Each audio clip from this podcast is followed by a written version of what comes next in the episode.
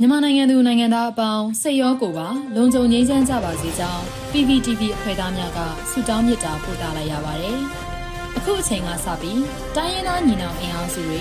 ပြည်သူ့ကာကွယ်ရေးတပ်မတော် PDF တပ်သားတွေနဲ့ပြည်သူလူထုတို့ရဲ့အရှိန်အဟုန်မြင့်လာတဲ့တိုက်ပွဲသတင်းတွေကိုစူးစီးတင်ဆက်ပေးသွားမှာဖြစ်ပါတယ်။ကျွန်မຫນွေဦးလင်းအိမ်ပါ။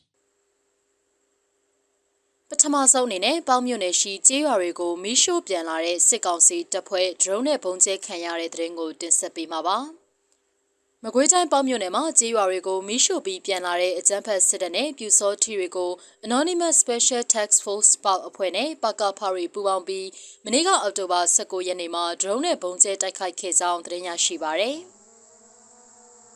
ပေါမြို့နယ်ဖျားကြောင်ရွာရွှေပေါင်းလောင်းဖျားကုန်းမှာတက်ဆွေထားတဲ့အဆိုပါစစ်ကောင်စီတပ်ဖွဲ့ကိုဒရုန်းနဲ့ဘုံသီး၃လုံးကျဲချတိုက်ခိုက်ခဲ့ပြီးရေပြကြီးပါရှိစစ်ကောင်စီစခန်းကိုဘုံသီး၃လုံးထပ်မံကျဲချတိုက်ခိုက်ခဲ့တာပါ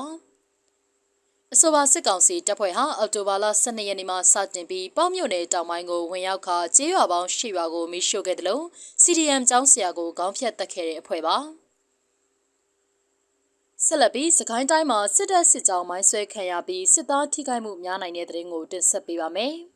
။စကိုင်းမြို့နယ်မှာအကြမ်းဖက်စစ်တပ်မှစစ်ကားနှစ်စီးကို PDF တပ်တွေကစုပေါင်းမိုင်းဆွဲတိုက်ခိုက်ခဲ့ပြီးစစ်သားထိခိုက်မှုများခဲ့တယ်လို့နေစည်းမချစကိုင်းသားအဖွဲ့ထံမှသိရပါဗျ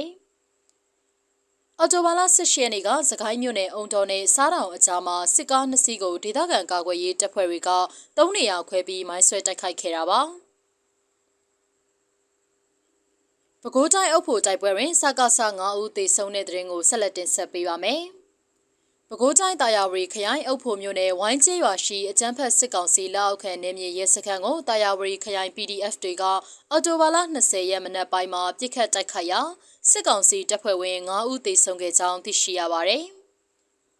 တာယာရီခရိုင် PDF တပ်ရင်3800နဲ့တက်ခွဲလေးကဒီကနေ့မနက်2နာရီခန့်မှာ40မမများလက်နက်ငယ်များနဲ့ပြစ်ခတ်တိုက်ခိုက်ခဲ့ပြီးအပြန်အလှန်ပြစ်ခတ်မှု18မိနစ်ကျော်ကြာမြင့်ခဲ့ကြောင်းသိရှိရပါတယ်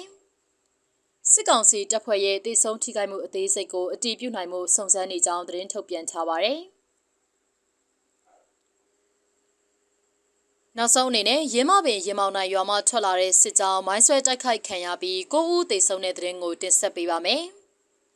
စကိုင်းတိုင်းရင်မပင်မြို့နယ်ရင်ပေါင်တိုင်းရွာမှထွက်လာတဲ့စစ်တပ်စစ်ကြောင်းမိုင်းဆွဲတိုက်ခိုက်ခံရပြီး၉ဦးသေဆုံးကြောင်းရင်မပင်ခရိုင်တရင်နှင့်မှတာဝန်ရှိသူတဦးကပြောပါရယ်